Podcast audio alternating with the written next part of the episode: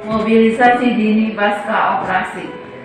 Mobilisasi setelah operasi yaitu proses aktivitas yang dilakukan setelah operasi dimulai dari latihan ringan di tempat tidur sampai dengan bisa turun dari tempat tidur. Berjalan ke kamar mandi dan berjalan keluar kamar tempat tidur. Tujuan mobilisasi di sini ada tujuh item. Yang pertama adalah mempertahankan fungsi tubuh. Yang kedua, memperlancar peredaran darah. Yang ketiga, membantu pernafasan menjadi lebih baik. Dan yang keempat adalah mempertahankan tonus otot. Nah, untuk poin yang kelima adalah memperlancar eliminasi alfi dan urin. Poin yang keenam, mempercepat proses penutupan jahitan pada operasi. Yang ketujuh, mengembalikan aktivitas tertentu. Macam-macam mobilisasi. Yang pertama, mobilisasi secara pasif, di mana pasien dalam menggerakkan tubuhnya dengan cara dibantu dengan orang lain secara total atau keseluruhan.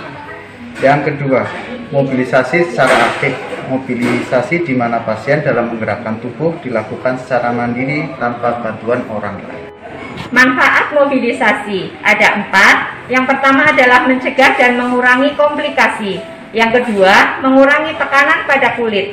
Yang ketiga, meningkatkan kesegaran tubuh. Dan yang keempat adalah mencegah kekakuan sendi dan otot.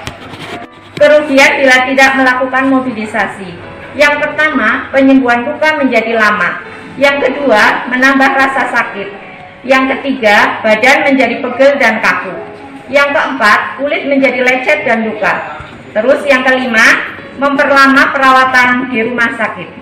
Tentang gerak dalam mobilisasi. Dalam mobilisasi terdapat tiga rentang gerak, yaitu yang pertama tentang gerak pasif, yang kedua tentang gerak aktif, dan yang ketiga tentang gerak fungsional.